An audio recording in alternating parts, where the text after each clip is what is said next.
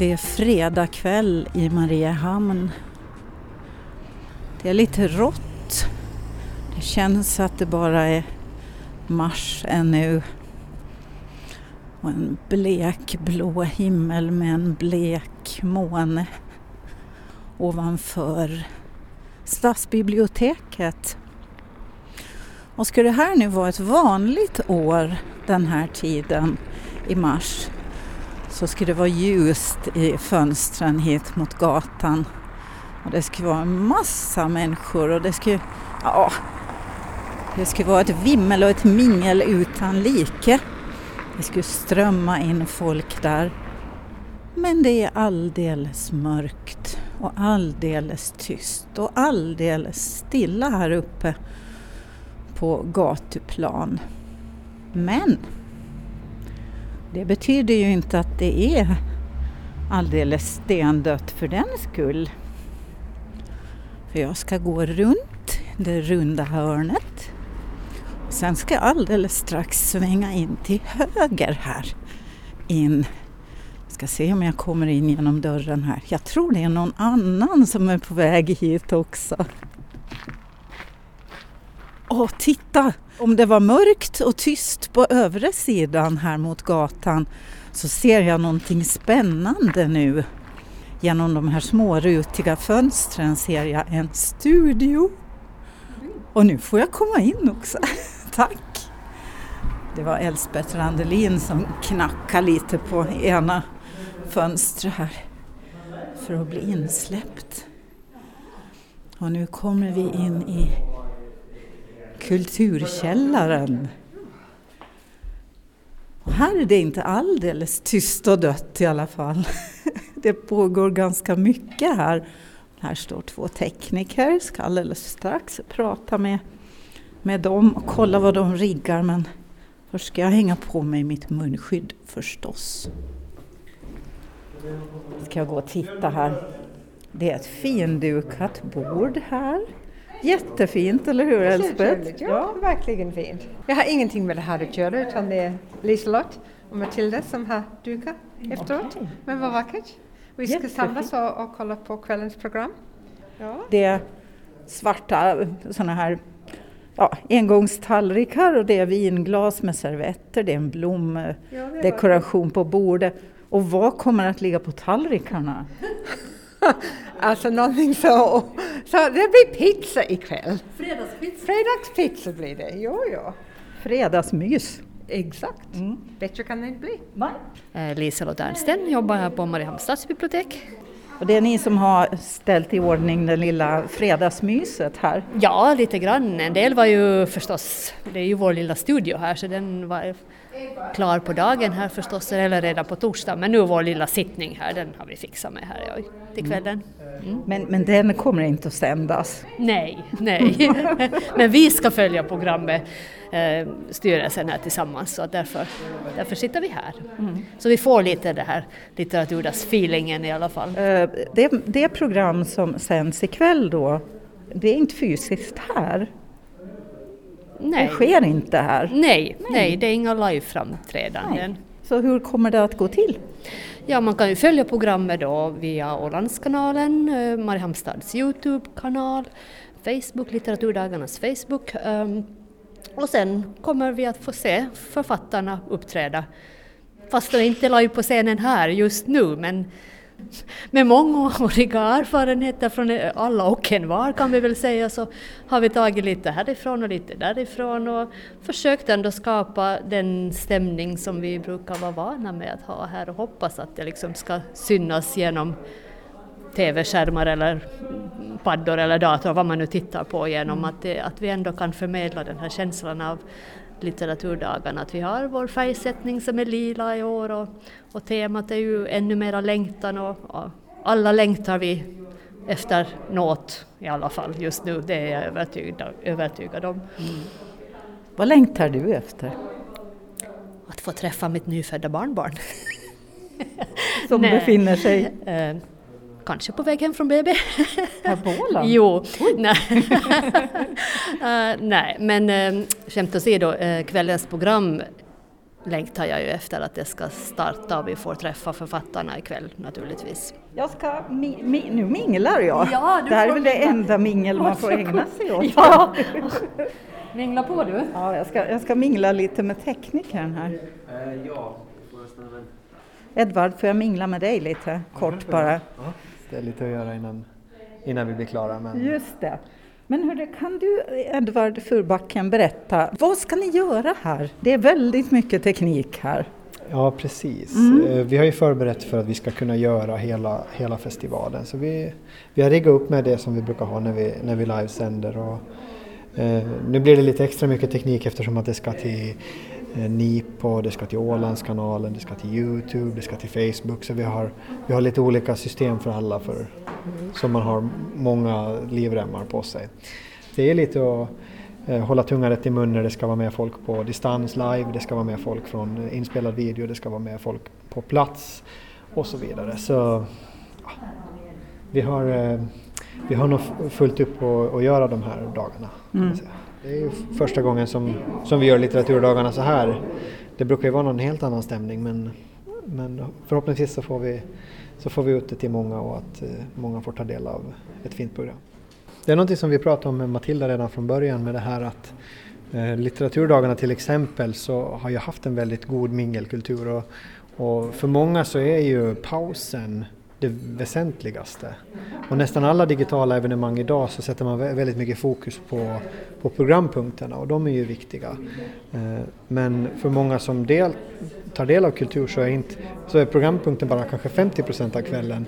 Den andra 50 procenten är pausen när man får träffa de där man känner eller de man inte känner och när man får, eh, får prata med sin stora idol eller man får, man, man får ta del av kultur på ett liksom mer personligt, eller man får vara med och, och göra sin egen liksom, kulturomgivning och det tycker jag eh, Ja, det tycker jag saknas nu och väntar på att det snart ska få hända. Tack för det. Vad ska du göra nu? Eh, nu ska jag göra sista kopplingen till Facebook och sen har vi allting igång. Alltså jag går inte igång på det här över nätet överhuvudtaget. Det är de där möten som jag saknar, den här kicken som annars vi får från de här helgerna. Ehm, det saknas och det enormt tråkigt. För barnen, för andra året i rad, att kolla på fantastiska författare över på en tv-skärm, det, vill jag inte. Men det är bättre, de, de, läraren säger det är bättre än ingenting. Åh, men när man vet att det är så långt ifrån hur bra det kan vara. Så vi tummarna, finger i kors. Cross our fingers, it'll be better next year. Susanne Donner heter jag. Jag var ju med och startade litteraturdagarna 93 och då gick vi ju medvetet in för att det skulle minglas. Då hade vi de här äh, mottagningarna på konsulatet och så var det Mariehamnstads och så var det landskapets. Och då var ju tanken från början med litteraturdagarna att man verkligen skulle mingla, alltså att författare och publik från Sverige och fastlandet då skulle mötas på Åland. Och att man bara inte skulle lyssna utan just minglet var väldigt viktigt. Och här är vi nu ju, och nu är det vi i styrelsen som minglar ikväll. Får, får jag ändå liksom lite hänga så här halvfult över, över bredvid här? Jag må- Jag måste ju prata med dig också, du får presentera dig. Jag heter Mosse Wallén. Eh, enda mannen vid bordet. Ja, so far. Men jag är inte enda mannen i styrelsen. Så att, eh, men alla är inte här idag. Vad har du för pizza? Capricciosa, såklart. Är det favvore? Ja.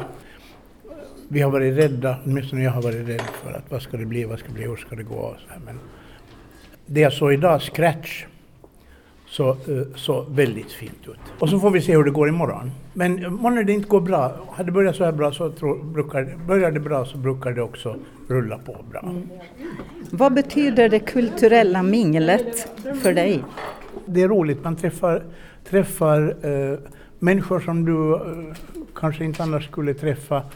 Man eh, drar hit, om man tittar det kulturella minglet som har varit på litteraturdagarna så har man träffat en massa trevliga, några lite otrevliga, men en massa författare och det har varit väldigt roligt. Är det någonting du saknar mycket? Jo, det här, eh, det är helt anna, någonting helt, helt annat att se någonting på TV än att, att uppleva det själv så här face to face.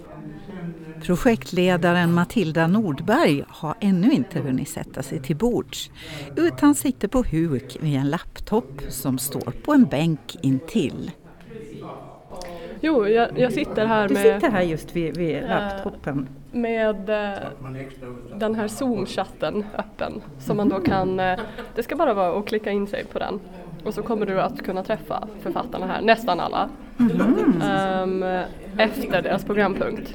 Och så kan man liksom få träffa dem på det sättet istället. Via skärm och ställa några frågor om man har några efter deras eh, intressanta samtal. Brukar det annars eh, under, under då, då, då de här litteraturdagarna är som vanliga, brukar folk ha mycket frågor till författarna då? Det brukar vara långa köer till eh, signering och sånt och då brukar det ställas frågor att man vill prata. Men nu är det ju ingen signering. Nej, nu är det ingen signering så nu eh, kan, men man kan ställa frågor om man vill. Eh, möjligheten finns i alla fall. Hur, hur vet ni hur många som kollar på det här? Då? Kommer ni att kunna, kunna räkna det på något vis? På Youtube och på Facebook så kan man se det. Men när det, när det är live så har jag förstått från eh, proffsen att det inte går att se exakt. Men vi har lite interaktion på Facebook att man ska kommentera var, man är och var man, var man kollar på det här. Uh, för då kan man vinna böcker så tycker jag att man ska göra. Uh, det finns på vår Facebook och uh, på så sätt försöka få någon känsla av hur många som kollar om det är någon där ute i, i etern. Eh, Alla, eller många programpunkter har ju eh, som förtecken längtan efter. Eh, Det känns nästan som att det fattas en programpunkt och det är längtan efter minglet. Ja, det är sant. Vi, jo. Vi i styrelsen får kanske sitta och, och prata om det. Ha någon extra sändning på Facebook om, om hur mycket vi saknar det. Jo. Ja. Och nu trycker Edvard på Välkomna till årets litteraturdagar i Mariehamn 2021. Mitt namn är Leila von Morgan Lönnroth och jag är er programvärd här ikväll. Då var det igång då. Och nu hoppas vi det rullar friktionsfritt. Ja. God fortsättning på kvällen. Jag går hem och ser på TV nu. Absolut, detsamma.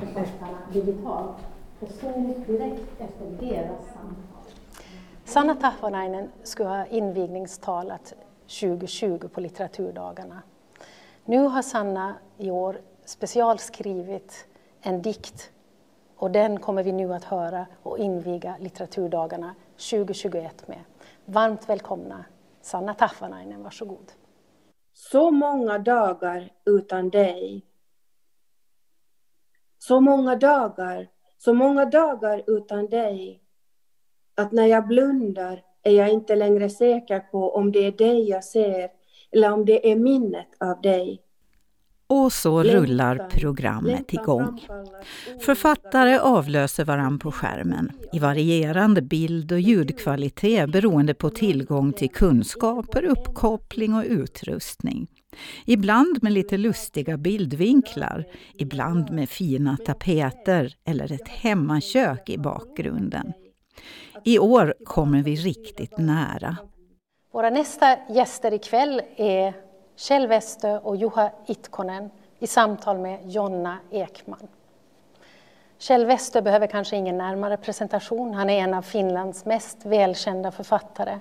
Och hans senaste roman Tritonius tilldelades Svenska Yles litteraturpris. Och för sin roman Den svavelgula himlen fick han Svenska litteratursällskapets finaste utmärkelse. Brevboken 7 plus 7, Brev i en orolig tid, utkom 2019. Han skrev den tillsammans med Juha Itkonen, en annan välkänd finländsk författare. Han debuterade 2003 och har hittills gett ut åtta romaner. Hans senaste roman, Allt är ett under, nominerades till Nordiska rådets litteraturpris 2020. Så brevboken 7 plus 7, Brev i en orolig tid, skrev de här två författarna tillsammans. Och de ska samtala med Jonna Ekman.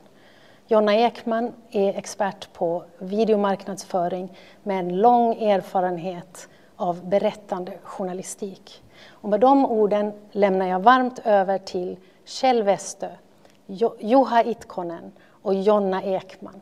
Välkomna! Hej Juha Itkonen och Kjell Westö.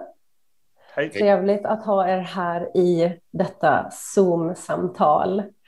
Ehm, jag är inte helt säker på att det här kommer att kunna bli ett helt vanligt litteratursamtal. Eh, inte bara för att ni skrev 7 plus 7 brev i en orolig tid, i en tid som trots allt, trots att den präglades av metoo och trumpism och klimathot och rasistiska strömningar så känns det ändå som det var en mindre orolig tid än den vi befinner oss i just nu.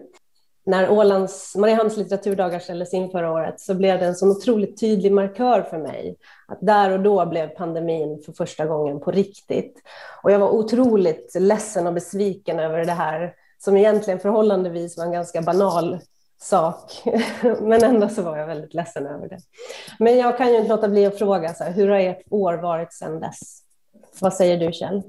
Uh, ingen, alltså, jag, jag själv att min reaktion då när Mariehamns litteraturdagar ställdes in i slutet på mars 2020 var besvikelse för att det, var, det skulle vara liksom ett slags grand final för, för Juha och mig. Men nu känns ju den besvikelsen liksom otroligt banal. Dels förstås allra mest på grund av den, den, den tragiska spännvidd den här pandemin fått.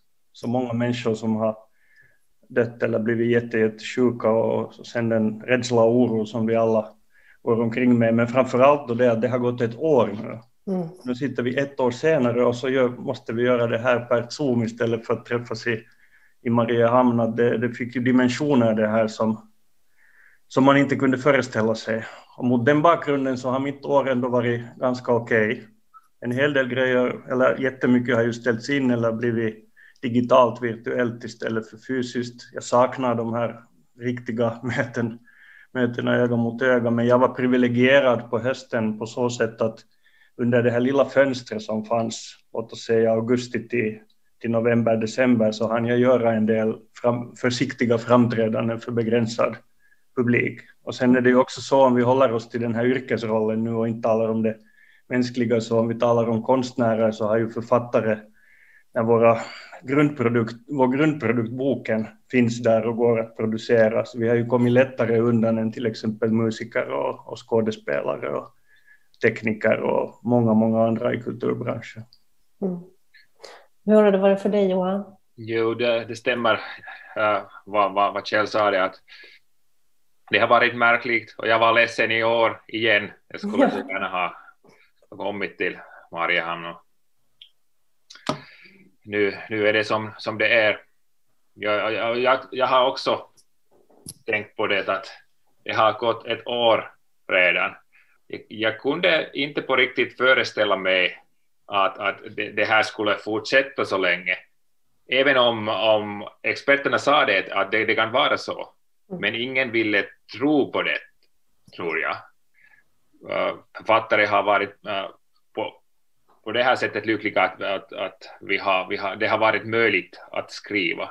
Det har varit, varit också, för mig har det varit möjligt, jag har skrivit en roman. Och, mm. men, men annars är jag, är jag riktigt trött på det här.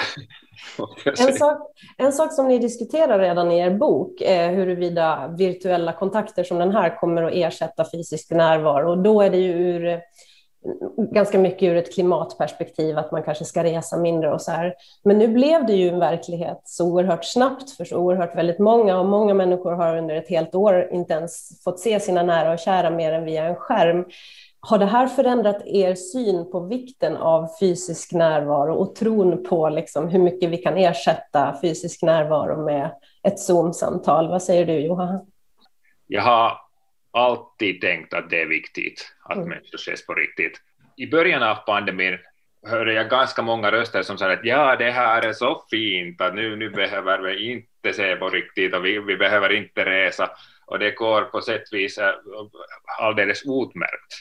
Mm. Men, men nu har jag känslan att, att, att ganska, ganska många människor har, har blivit trötta mm. och, och förstår att, att den här fysiska närheten också är jätteviktig. Jag är också på ett väldigt grundläggande sätt en icke-digital, icke-virtuell människa. Jag menar, jag kan hantera det här och jag tycker efter den första paniken då förra våren att hur fan ska man sköta mötena på det här Zoom och det här Teams så, så går det ju ganska fint ofta men, men jag har heller aldrig inbillat mig att att det virtuella digitala skulle kunna ersätta det fysiska, inte, inte i något avseende. Någonting berättar ju redan det att jag är inte på sociala medier överhuvudtaget. Alltså som privatperson finns jag inte på Facebook, inte på Twitter, inte på Instagram, ingenstans. Och nu har det här året lärt en liksom just att inte kunna se och om, om man kan se sina vissa nära och kära så måste man gå på två meters eller tre meters avstånd utomhus och man får inte kramas. Det, det är plågsamt. Jag har tänkt väldigt mycket på hur det här eh, har förändrat en syn på ensamhet. Du skriver i ditt brev, till, som är svaret till Johas där, Michel, det åttonde brevet, att jag har ibland i tider med mer valfrihet kallat mig själv eremit, eller åtminstone nästan eremit. Men den här exceptionella och farliga tiden får mig att inse att jag är en kontaktsökande person, en människa som behöver de vardagliga och anspråkslösa mötena där man ser varandra i ögonen och ler och växlar några ord samtidigt som man säljer eller köper en cappuccino eller undertecknar ett kontrakt. Och där tror jag vi är många som har, som har upplevt att, så här, att även de, de kontakter som man vanligtvis inte ens tänker på att man har saknar man. Det här att kunna gå till sitt, till sitt stamcafé, sitt stamfik och liksom beställa en, en kopp kaffe och snacka med innehavaren, liksom fasen vad man saknar det. Mm. På litteraturdagarnas Facebook-sida ploppar det under kvällen upp hjärtan och tummar och också en del kommentarer från folk som sitter och följer programmet vid sina skärmar. En av dem som sitter och tittar har jag fått lov att ringa upp nu. Mia Bauer. God kväll Mia Bauer. hur, hur känns kvällen så här långt? Ja, det är ju ett litet surrogat för det som är normalt. Alltså det, är ju inte, det blir ju inte riktigt samma stämning. Nej. Det blir det inte. Men, men det är ändå kul och vi är ju flera stycken och sitter och tittar och efter att det ordnar sig med tvn efter en halvtimme så har det fungerat bra. Just det, nu, nu rullar det på, det kärvar lite i ja. början. Ja. ja. Du, eh, känns det som att vara på litteraturdagarna?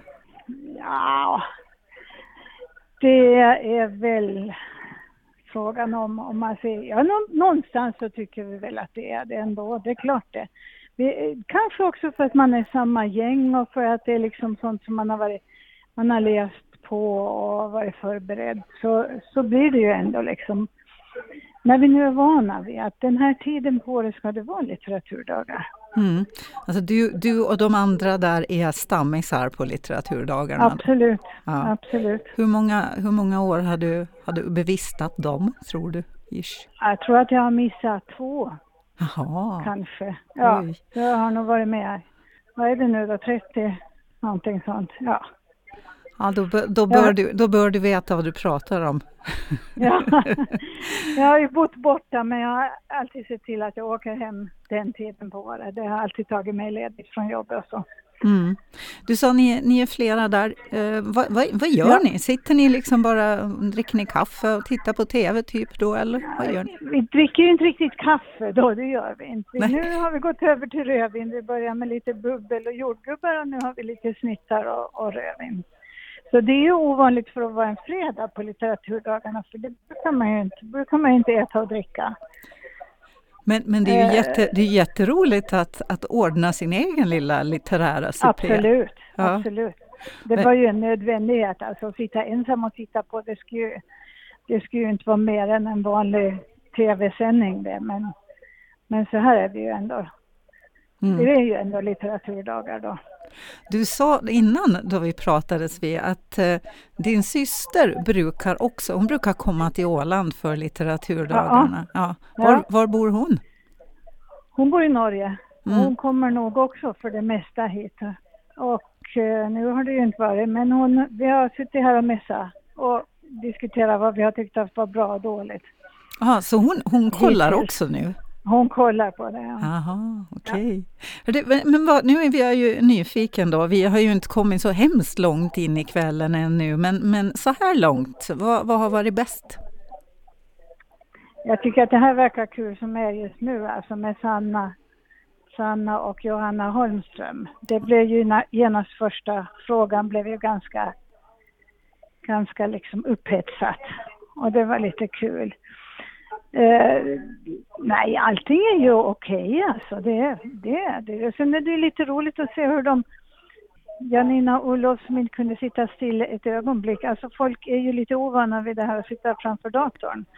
Och så går en del alldeles för nära så de nästan, man, man ser nästan liksom... Man ser ja. in i näsgångarna på dem. ja, precis. precis. Och, och det är lite roligt att se, det blir ett helt annat, annat uh, kroppsspråk. Ja. På det sättet faktiskt. Man, man kommer på något vis närmare dem, de blir mer privata än de, de sitter ja. på en scen kanske. Ja, det, ja, det kan hända. Ja. Det kan hända, ja. ja. And, andra sådana här eh, aha-upplever och insikter så här långt då? Nej, alltså allting, jag har ju läst den där eh, eh, Sofie Oksanens bok och då var det ju kul att, att lyssna på det. Eh, Sylvester Juha Itkonen har jag ju inte läst och eh, Juha Itkonen tycker jag var en väldigt sympatisk person. Så du kanske tänker läsa någonting av honom nu då?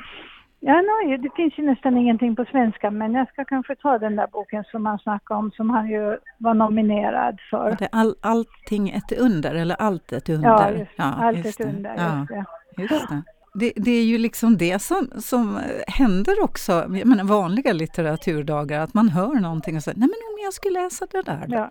Så det... ja, vi brukar nog i gänget vara så att vi förbereder oss lite grann, så att vi läser redan under år, alltså januari, februari, förbereder oss på det. För det är lite roligare nästan att, att lyssna när man har läst. Ah. Det blir en annan dimension tycker jag. Ja, just det. Fast då får man ju å andra sidan inga överraskningar. Nej, inte överraskningar, men man, jo, man kan ändå få det för man kanske har tänkt på ett annat sätt. Mm. Just det. det är liksom lite så, ja absolut. Mm. Vad betyder det kulturella minglet för dig? Ja, alltså det var, om jag tänker de här åren som jag har bott utomlands, eh, så har ju det varit, alltså det ju det säkraste kortet för alla kompisar, alla bekanta som man har här på Åland och så. Så det säkraste kortet är att gå på litteraturdagarna. För det är där man träffar alla liksom. Som man, alla som, som man brukar kanske umgås med eller har umgåtts med. Så det tycker, det är ju klart att det är ju en himla miss när det är bara att titta på TV. Mm. För det är, ju, det är ju roligt alltså. Och både för att diskutera litteraturdagar men också för att man inte har träffats då kanske på ett år. Och så får man ju ta på, jag har ju en Marimekko på mig förstås. Har, har, du det, har du det nu? Ja. Har du liksom så här typiska litteraturdagskläder på dig idag? Ja, nej, jag skrattar. Jag tog det på mig och så, så kom jag på, ja, ja, det är litteraturdagar, då ska man ha Marimekko. Vilken färg? Ja, det var beige och svart. Det var något som jag faktiskt inte haft på på hemskt länge, så det var lite roligt. Ja, ja just så. Har, har de andra också klätt sig lite efter tillfället? Ja, lite grann kanske. Lite, ja. lite grann, ja, ja. ja. Just så. Ja, men det hör ju till också på något det vis, det där med Absolut. kläderna. Ja. ja. Mm. Men jag ska inte störa dig mer nu, Mia Bauer, för nu ska du få fortsätta titta på Sanna Tahvanainen ja. och Johanna Holmström, var det så? Precis. Ja. Det ska jag göra. God fortsättning på litteraturdagarna och tack för att jag fick ringa upp dig. Tack. Tack. Fint. Hej, hej. hej, hej. Förra hösten kom det ut inte mindre än två biografier om Märta Tikkanen. Jag har läst dem båda.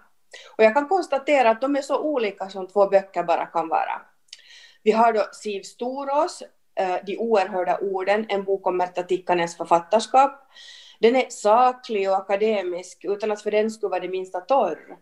Man kan väl beskriva den som ett praktverk om Märta Tikkanens författarskap och jag tror att den här boken kommer att stå, stå sig länge.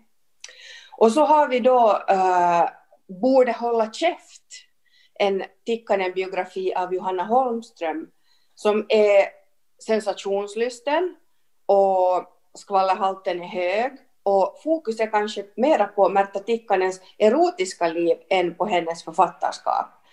Eh, boken väckte rabalder innan den kom ut på grund av meningsskiljaktigheter mellan författaren Johanna Holmström och Märta Tikkanen. Frågan som ventilerades i offentligheten var att vad fick berättas och hur mycket kunde Märta Tikkanen styra Johanna Holmströms arbete? Med mig här ikväll har jag Johanna Holmström. Det ska bli ett nöje att prata om Borde hålla käft med dig. Hej Johanna! Hej hej! Hej! Hör du, första frågan, att hur kommer det sig att just du skrev en biografi om Märta Tikkanen? Du är ju skönlitterär författare, du har skrivit noveller och, och romaner. Ja, så nu ska jag nog inte vilja börja med den frågan, utan kanske mer en fråga till dig. Att när du tog upp det här med då att min bok är så sensationslysten och fokuserar mer på erotik än författarskapet så blev jag kanske lite förvånad. Att har du räknat sidorna där? Att hur mycket fokuserar jag på författarskapet och hur mycket på den här erotiken? För jag skulle inte alls hålla med.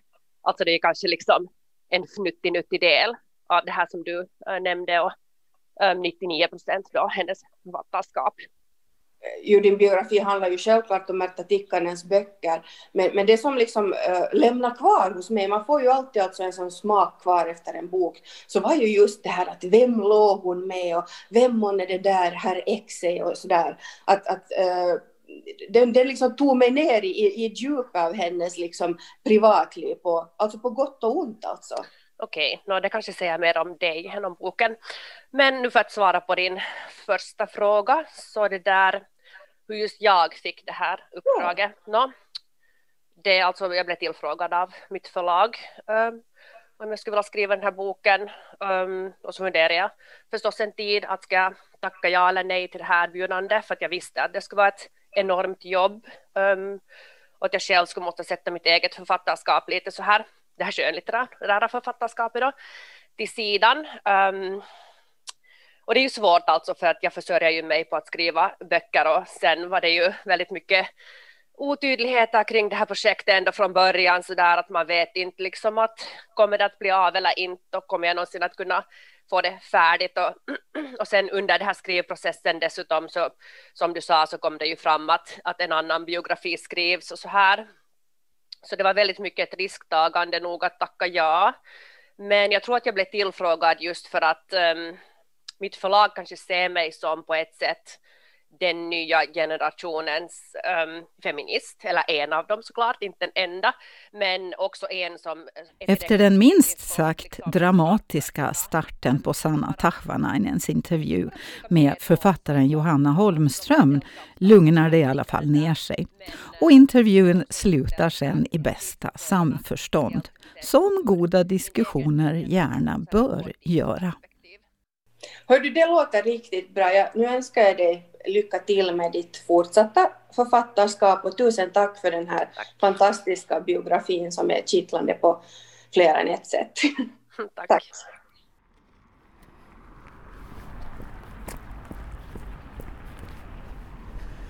Nu är det lördag. Det är lördag förmiddag och jag är på väg på raska klackar. Förhoppningsvis utan att bli överkörd till Kulturkällaren igen.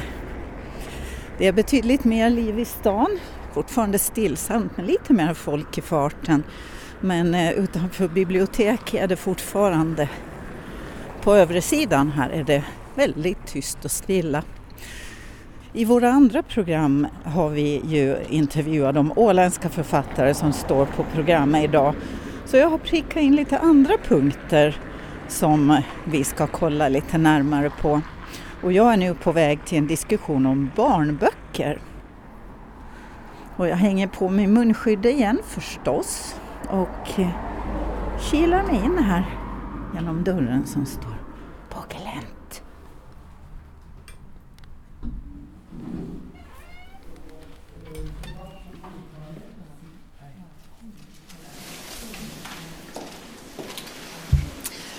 Hej igen, välkommen tillbaka. Om du som tittar är sugen på att zoomchatta med våra medverkande författare så är det någonting som du kan göra genom att gå in på www.litteraturdagarna.ax. Och nu så ska vi ta och röra oss från vuxenböcker till barnböcker och barnlitteratur. Ehm, för temat är ju ännu mera längtan och längtan det finns det gott om även i barnböcker faktiskt. Och om längtan och om barnböcker så ska vi nu få höra Fredrik Sonck, Karin Erlandsson, Sanna Tahvanainen och Hanna-Marie Rouhonen. Och leder samtalet gör ännu en gång Tommy Ritama. Ja, hejsan. Eh, jag sitter alltså här i studion i eh, eh, Stadsbibliotekets kulturkällare tillsammans med Hanna-Marie Rohonen och Karin Erlandsson och med via länk har vi Fredrik Sonck och Sanna Tahvanainen. Eh, rubrik, hej. Eh, rubriken för det här samtalet, huvudtemat heter Längtan efter barnböcker. Jag tänkte att vi skulle utgå därifrån lite grann genom att snabbt ta tempen eh, lite på barnbokens status och sen eh, gå mer in på era respektive veckor som ni är aktuella med. Och Fredrik Sonck, om vi börjar med dig. Eh, du debuterade i höstas eh, som författare med boken Freja och kråkungen och häromdagen publicerade du en text, en kolumn på förlagets hemsida med rubriken Barnkultur måste vara på allvar för alla.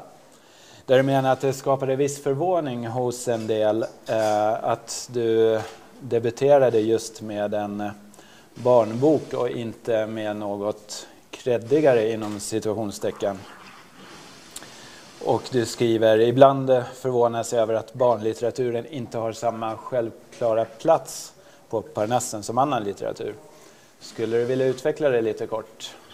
Jag tror att barnlitteraturens status nog har stigit under, under de senaste åren och säkert under som hela, hela det här millenniet, men att, men att den jämförelse som jag gör i den där texten är, är till exempel med, med teatern där var som kommer från en teaterfamilj och inom teatervärlden har barnteater alltid haft en, eller väldigt länge haft en väldigt hög status.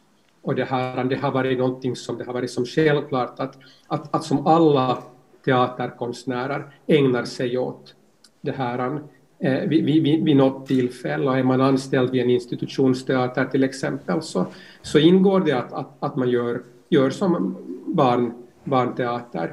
Och om man jämför med litteraturen så tror jag att, att dels har det kanske funnits en lite tydligare uppdelning som mellan mellan barnförfattare och det här vuxenförfattare. Det, det, är, som, det är som helt okej, okay, men, att, men att helt klart hade ju funnits också det här, det här som vissa, vissa som det här kanske status, statusskillnader och, och så där.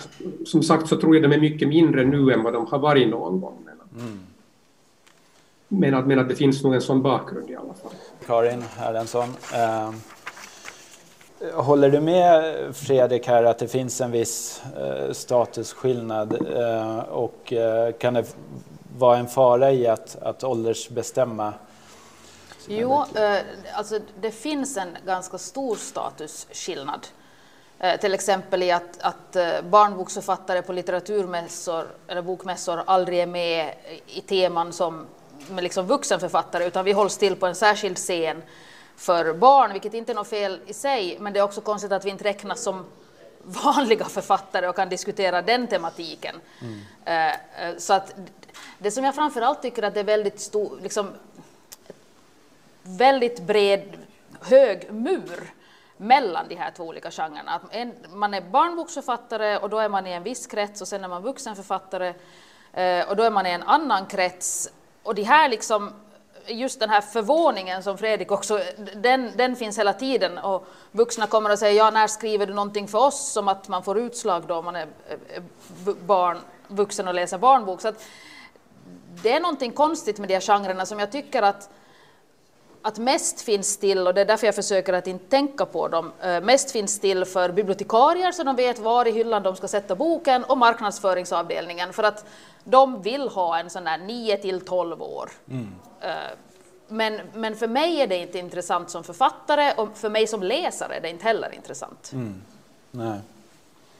Hanna-Marie Råhonen, du har just suttit här i en diskussion om äh, längtan efter barnböcker. Hur kändes det? Ja, det kändes pirrigt. ja, absolut. Förlåt. Eh, ni pratar ganska mycket just om det här att eh, barnboksskrivande har en väldigt låg status. Eh, har det alltid varit så? Jag vet inte, så länge jag har, jag har producerat barnböcker så jag kommer ihåg där i början, där i början av var det, var det 2008 jag publicerade min första egen bok så, så, så då blev jag lite förvånad att hur är det så här? Man tänkte att man, ja, att man har gjort en bok och det är en väldigt stor sak och det är inte många som, som får sina böcker äh, publicerade så, så det kändes väldigt stort och sen, sen, sen fast, fast jag fick vara glad att vara med i några artiklar i tidningar i alla fall men att ja, det, det är inte så stort som, som vuxenböcker. Mm. Jag upplever som mormor litteraturintresserad mormor som köper väldigt mycket böcker åt mina barnbarn. Så fint! Att, ja. okay. Ska vi göra så att vi går ut? Så stör vi inte. Hanna Maria och jag flyttar oss ut. Oh. Så, nu kan vi prata ja, lite bättre. ja, det var skönt det också.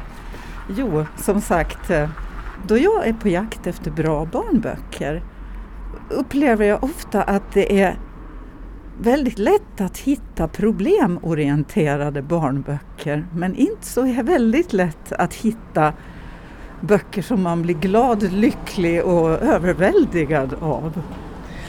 Ja, jag tror att, att många författare Eh, vill lyfta upp eh, problem i samhället och i barnvärlden också som, som vi nämnde i intervjun också att det, man går, även barn går ganska ofta i terapin och, och vi är mer medvetna om problem som finns också i barnvärlden. Att, att, men såklart, de där äldre barnböckerna så det handlar mycket om, om glada saker.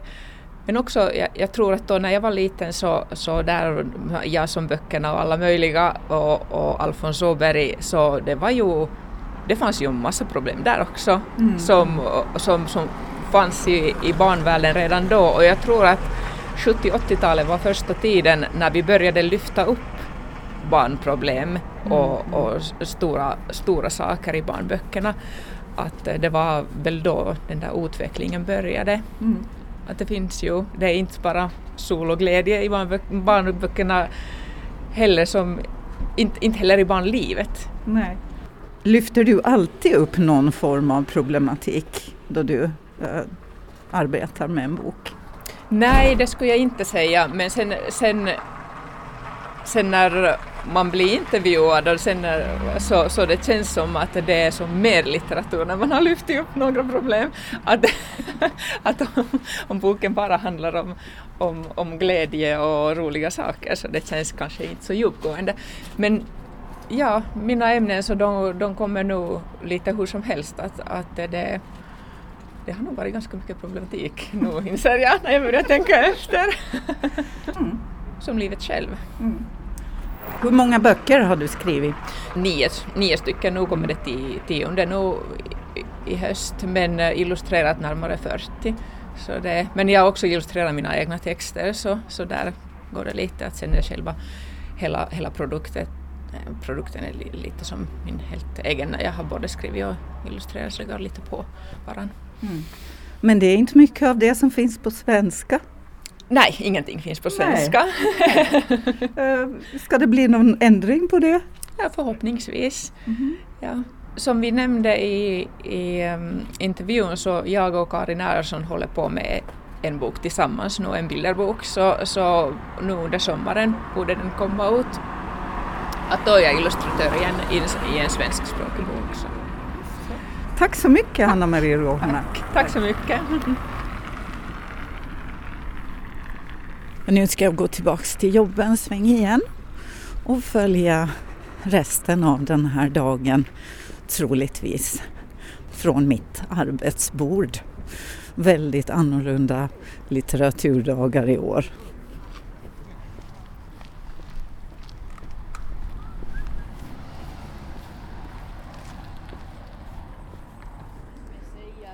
offentligheten som kommer ur en ångest så är nog också genomtänkt att exempelvis så pratar jag ganska mycket om så här att, att bli mobbad i barndomen och så här funktionsnedsattas rättigheter eftersom jag själv har en funktionsvariation.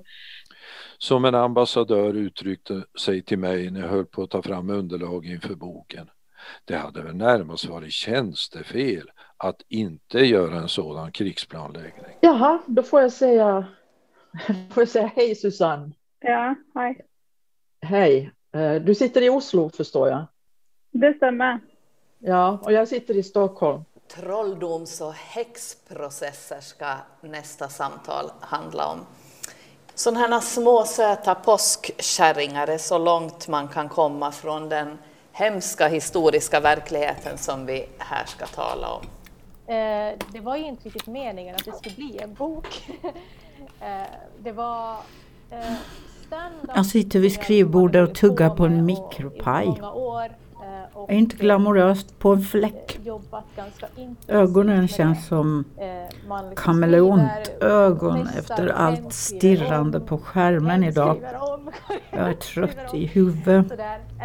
Och jag var lite liksom trött på att skriva i den formen. Eh, att man liksom aldrig har tid att bre ut sig längre eh, kring någonting. Jo, jag har hittat böcker som jag troligen vill läsa. Jag har hört författare säga kloka saker. Men även om jag är rätt slut nu så mm, det fanns några guldkorn här i alla fall. Så, Tua Åström signing off. Hoppas på riktiga litteraturdagar nästa år. Och sen kommer också eh, den här skapelsen då.